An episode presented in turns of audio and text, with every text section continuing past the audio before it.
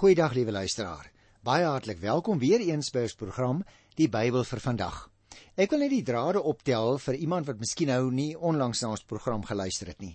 Ons is besig met die kort boekie Ester in die Ou Testament. En veral die Purimfees word aan hierdie verhaal gekoppel. Tot vandag toe nog. By die ortodokse Jode sal jy agterkom by die Purimfees wat jaarliks gehou word, word die boek Ester gelees. En dit word gedoen omdat die boek herinner dat die Jode terwyl 'n man, 'n nare man met die naam van Haman probeer het om die Jode uit te roei in die hele Persiese ryk van destyds, het die Here uitkoms gegee. So elke jaar tydens die Purimfees lees die Jode weer hierdie verhaal.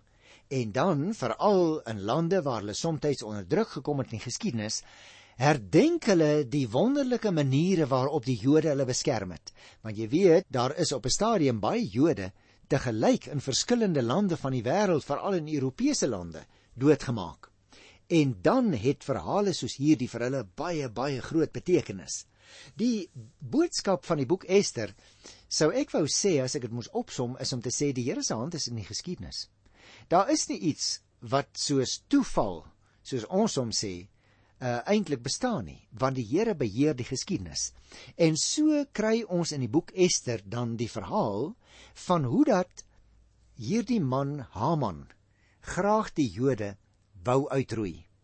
En hy het selfs so ver gegaan dat hy toestemming gekry het van die Persiese koning Ahasveros om sy stempel te kon gebruik om self 'n wet uit te vaardig in die naam van die koning en alles was gereed om uiteindelik die Jode uit te roei en om een van die belangrike Jode wat kan ons aflei 'n leier onder hulle was met die naam van Mordegai te laat ophang. Maar die bordjies is verhang. En so het dit dan gebeur dat die koning gevra het juis vir hierdie Haman wat die plan gemaak het. Is ha is Mordegai destyds vereer toe hy my lewe gered het? En toe het die koning gesê: "Nee, nee, uh, om die waarheid te sê, hy het nie eer ontvang nie." En toe het die koning vir Haman gevra: "Nou maar, uh, hoe sou jy nou dink hoe behoort ons so 'n man te vereer?" Toe het Haman gesê: "Hy ou moet op 'n perd ry. Hy moet 'n kleed aan hê wat vroeër deur die koning gedra is en hy moet oor die stadsplein gelei word deur 'n baie belangrike man." En toe die koning vir Haman gesê: "Reël alles," want Haman het gedink dis hy wat vereer gaan word. Maar nou word die bordjies verhang en lees ons in hierdie hoofstuk hoe dat Haman self opgehang word vir die bose dinge wat hy gereël het en die koning het dit alles nooit geweet nie. So ek gaan die 7de hoofstuk behandel, kom ek vertel soos gewoonlik eers vir jou net die hooftrekke van die verhaal en daarna gaan ek so 'n bietjie meer na die detail van die hoofstuk kyk. Waaroor gaan dit hier in die boekie Ester, die 7de hoofstuk? Ester se tweede onthaal wat sy nou reël, stem ooreen met die tweede onthaal wat die koning gegee het in hoofstuk 1 van die 5de vers af. By albei die geleenthede verloor iemand sy plek aan die koninklike hof. By albei geleenthede word die koning baie kwaad en hy neem harde besluite. Nou ons gaan nou nou oor daardie besluite hier praat, maar jy sal onthou by die vorige geleentheid het die koning ongelukkig moes besluit om sy eie vrou om die lewe te laat bring omdat sy nie voor hom wou verskyn nie. By die eerste geleentheid ook het hy byvoorbeeld besluit dat Vasti sy eerste vrou nie meer koningin kon wees nie. Want jy sal nog onthou, sy wou nie na vore kom toe die koning wou hê sy moet voor die belangrike gaste so bietjie poseer nie. Hy wou haar as dit ware uitstal. En sy het gesê ek gaan dit nie doen nie. Die gevolg was dat die koning so groot verleentheid in die oë van sy vriende beleef het dat hy nie anders 'n keuse gehad nie in terme van destyds natuurlik om sy vrou om die lewe te laat bring. En dit is om daardie rede dat hy later met die jong Jodin Ester getroud is. Nou by hierdie geleentheid van die fees besluit die koning nou om Haman wat tweede in bevel is aan sy eie galg te laat ophang omdat hy so gelieg het vir die koning en omdat hy in naam van die koning hierdie nare bevel uitgevaardig het en wet gepasseer het dat die Jode uitgeroei behoort te word. Die besluite wat by albei geleenthede geneem is, is tot direkte voordeel van Ester natuurlik. Jy sien, Die troon word vakant by die eerste geleentheid waaraan ek jou nou nou herinner het. En Ester word uiteindelik die nuwe koningin. By hierdie geleentheid word Haman nou tereggestel en Ester ontvang al sy eiendom wat sy natuurlik weer aan haar oom die Jood Mordegai gee sodat hy daarna kan omsien. Sy word dus eintlik in groot eer aan die volk voorgehou. Die koning self stel Mordegai in Haman se plek aan. Hy dra die uitvoerende magte wat Haman gehad het oor aan Mordegai, die Jood, deur wie vir hom nou die seelring gegee word wat vroeër aan Haman gegee is. Die koning dra self die helfte van sy koninklike mag aan Ester oor, soos hy by twee geleenthede van tevore alreeds beloof het. Jy kan gerus as jy aantekening maak gaan kyk in Hoofstuk 5 vers 3 en ook hier in die tweede versie van Hoofstuk 7. Ester en Mordegai word inderdaad vennote van die koning en daarom deel hulle ook voortaan saam met die koning sy koninklike mag. Dit is amper te goed om te glo, hoor ek jou sê luisteraar. Maar wie hy so werk die Here mos. Die Here is in staat om elke verleentheid te verander in 'n geleentheid as hy wil. Hy is in staat om die vraagtekens in jou en my lewe dikwels te verander in uitroeptekens. Ag natuurlik sou ek nie vir jou kon raad gee oor elke faset van jou lewe nie. Al daardie vrae wat jy het te beantwoord oor waarom jy in bepaalde omstandighede is nie, maar weet jy wat? Ek mag wel vir jou die raad gee om te sê gaan na die Here toe. Kniel voor hom neer, verootmoedig jou voor die Here. Vra vir hom om jou lig en leiding te gee deur sy gees. Vra hom om jou uit te haal uit die situasie waarin jy is. Vra hom om te vergewe waar jy oortree het. En die vrae in jou lewe sal verander word in uitroeptekens. Jy moet mooi luister wat ek sê hoor want ek sê nie as jy nou byvoorbeeld goed van mense gesteel het, gaan hulle dit nou sommer net weer terugontvang nie. Nee, ongelukkig bly van ons dade wat ons gepleeg het, dit bly ongelukkig so. Wat wel kan gebeur is dat die Here ons kan vergewe dat ons na mense kan gaan en vir hulle ook om vergifnis te vra.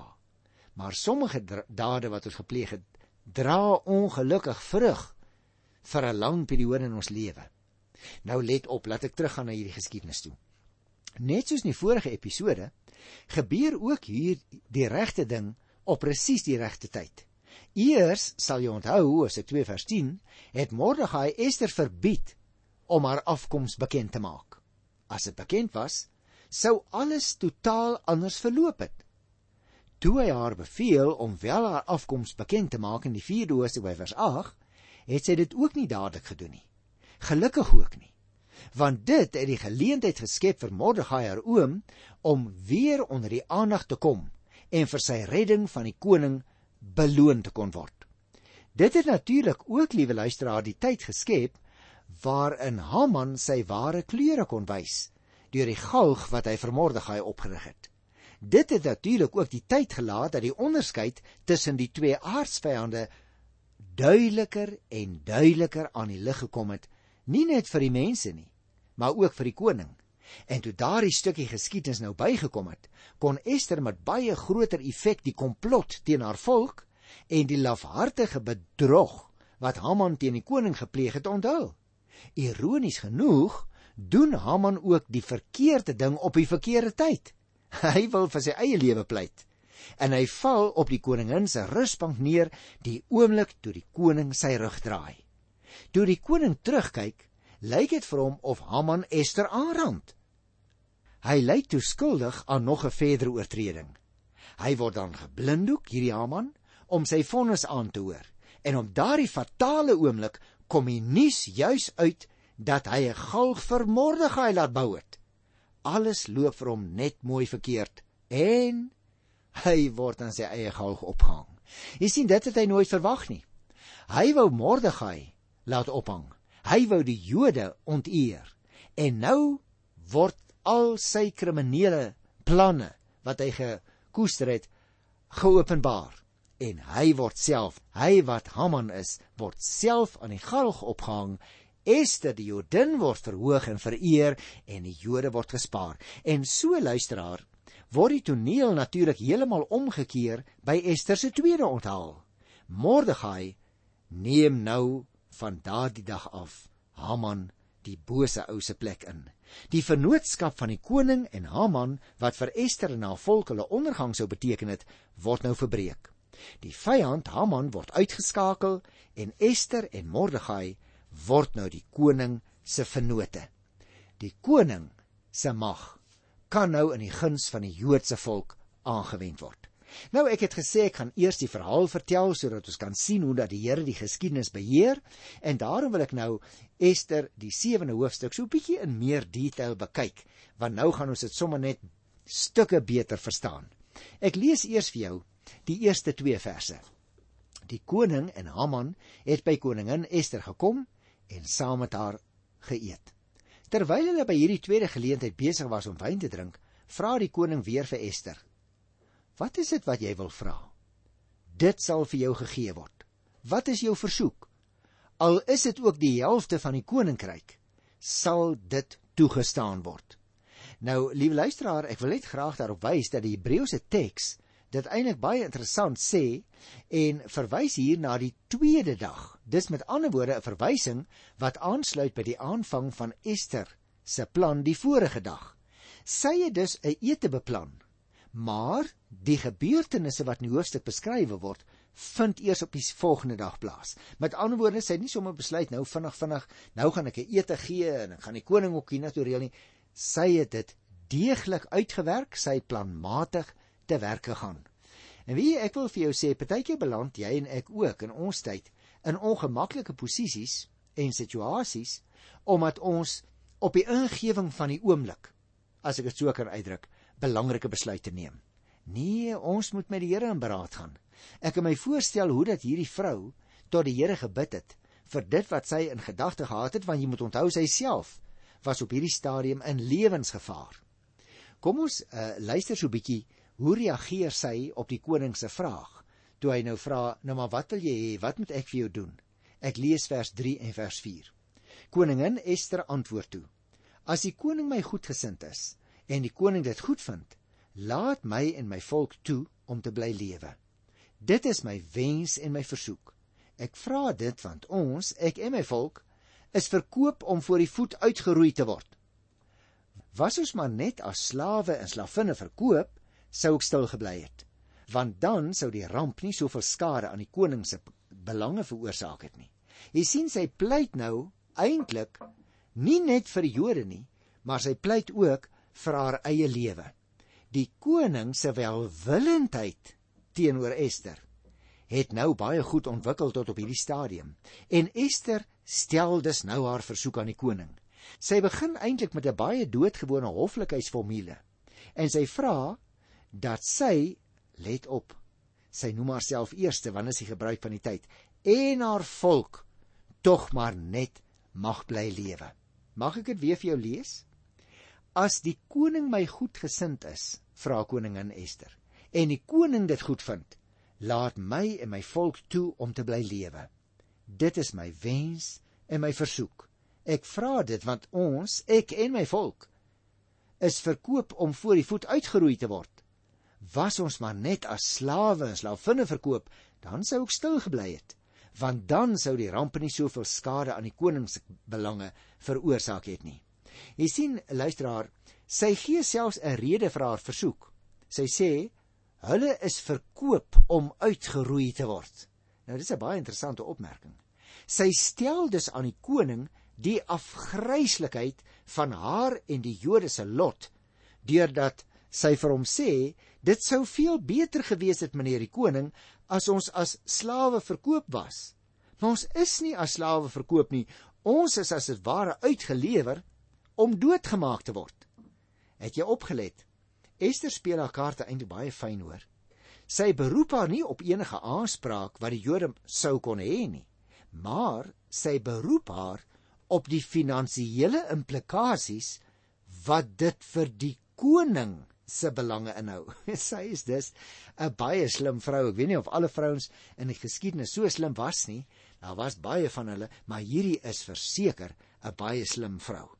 Sy speel met ander woorde nie net op die rasionele, die argumentatiewe nie, maar sy kom in op die e-, emosionele vlak ook, want sy weet dit gaan die koning se hart baie makliker laat sag word. Nou luister, ek lees vers 5 tot by vers 7 en dan gesels ek dan daaroor. Toe vra koning Ahasveros vir koningin Ester: "Wie is dit wat so iets beplan en waar is hy?" En Ester antwoord: "Die teenstander en vyand is hierdie laa mens, hierdie Haman." Haman het groot geskrik daar in die teenwoordigheid van die koning en die koningin. Die koning het woedend van die ete af opgestaan na die tuin van die paleis toe gegaan. Haman het egter bly staan om met die koningin Ester om sy lewe te smeek, want hy het gesien dat die koning klaar oor sy ondergang besluit het. Jy sien 'n mens kan verstaan dat hierdie Haman verskriklik moes geskrik het. Skielik besef hy Ester het al die tyd van sy planne geweet. En nou het sy dit aan die koning bekend gemaak.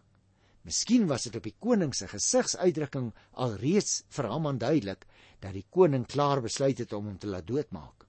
So terwyl die koning uitstap na die pragtige tuine toe daar buitekant wat uh, in die omgewing was van die koningin se woonplek want onthou konings het dit dikwels in daardie tyd vir hulle koningin 'n eie paleis gebou en die koning het soms in sy eie paleis bly woon omdat hy ook nog 'n hele harem vol vrouens gehad het. So nou stap die koning uit in die paleistuin van koningin Ester. Moontlik wou hy so bietjie nagedink het oor wat hy gaan doen, maar eintlik het hy klaar besluit. So besef Haman ook. Kom ons kyk weer na daardie 5de vers. Toe vra koning Ahasveros vir koningin Ester: "Wie is dit wat so iets beplan? En waar is hy?" Dis my baie interessant. Die koning vra nie na fyn detail nie. Het jy dit opgelet? Ester het mos al reeds sy guns gewen. Hy vra net: Wie is dit wat so iets kan beplan? Het jy opgemerk? Al het die koning aan Haman magtiging verleen om sy gemeene voorneme te voltrek, is die koning nog steeds nie daarvan bewus dat die Joodse volk die teken van Haman se wrevel is nie. Daarom vra die koning ook die detail, maar hy het vertroue in hierdie Jodin Ester. Die 6ste vers het vir ons baie duidelik gesê toe Ester antwoord: "Die teenstander en vyand is hierdie laa mens, hierdie Haman." Dit is asof die wal in haar hart breek, né, sou ons in ons tyd sê. Sy kan nie anders nie. Sy het opgekrop. Sy moes stil bly want haar eie lewe was in gevaar. Maar nou besef sy die oomblik van waarheid het gekom. Sy wys Haman uit met haar vinger en sê: "Hierdie, het jy sien hoe noem sy hom? hierdie laa mens. Haman. Dit is hy wat die vyand is van die volk waaraan ek behoort. Haman word dus uitgewys as die teenstander en die vyand in vers 6. Woorde wat op 'n sterk manier gebruik word om die vyand van die Joodse volk aan te dui. Ons kan nie twyfel hê daaroor nie. En dan die 7de vers wat ons gelees het, die koning het woedend van die ete af opgestaan en die tuin van die paleis toe gegaan Haman het egter bly staan, let op, om by koningin Ester om sy lewe te pleit, want hy het gesien dat die koning klaar oor sy ondergang besluit het. Dis my baie interessant want uh, ooreenkomstig sy vertelstyl laat die verteller van die boekie Ester hierdie spanning geleidelik maar nou al vinniger oploop en sien hy nie dadelik waaroor die koning woedend is nie. Hy verswyg dit op hierdie stadium vir ons oor Haman se optrede omdat hy die koning mislei het of omdat Ester sy vertroueling aan die kaak gestel het. So ons weet nie presies waaroor die ontsteltenis gaan nie. Daar is 'n bietjie onsekerheid in die verhaal. Maar luister na die 8ste vers. Ek het dit nog nie gelees nie en nou kry ons 'n baie duidelike aanduiding. Net toe Haman neerval op die rusbank waarop Ester sit, kom die koning uit die tuin van die paleis terug in die saal waar die maaltyd gegee is. Toe sê die koning: "Wil jy nou ook nog die koningin by my in die paleis aanrand?"